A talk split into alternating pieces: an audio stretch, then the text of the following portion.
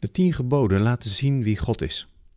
Het volk staat voor de berg waar Mozes de tien geboden krijgt en ze leren op die plek dat God heilig is en zij ook heilig moeten zijn. Vorige week hebben we al even nagedacht over dat woordje heilig en al laten vallen dat de tien geboden niet alleen regels zijn om uit te leven, maar dat de geboden ook laten zien wie God is. Door de tien geboden leert het volk God kennen. En de heilige zegt: Maak van mij geen afbeelding en ga die niet aanbidden.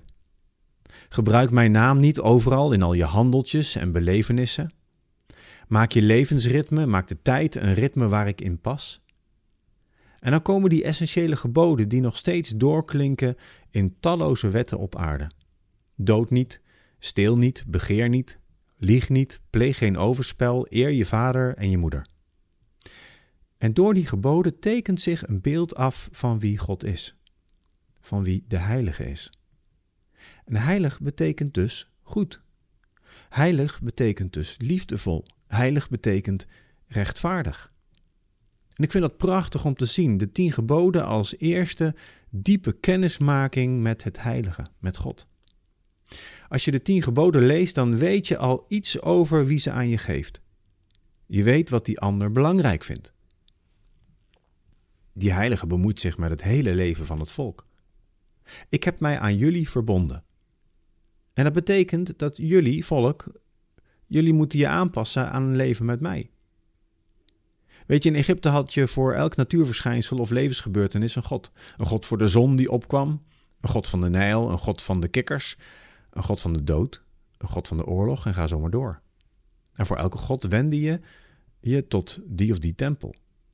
En de heilige zegt, voor alles in je leven ben ik er. Als ik me aan jou verbind, dan zal je zien dat ik de schepper ben.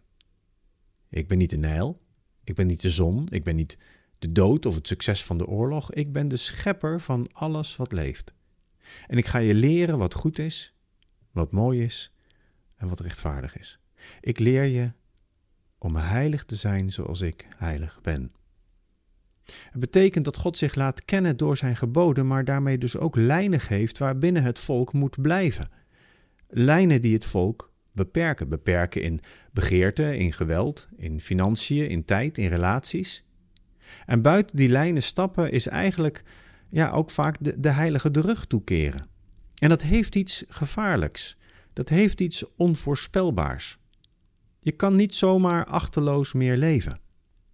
Die andere, die onmetelijke, die oneindig goede, die grenzeloze rechtvaardige, de heilige is dichtbij. Het is een beetje wat C.S. Lewis zegt in zijn boekje Narnia. Aslan is a lion, the great lion. Oh, said Susan, is he quite safe? I shall feel rather nervous about meeting a lion. Safe? said Mr. Beaver. Who said anything about safe? Course he isn't safe. But he's good. He's the king, I tell you.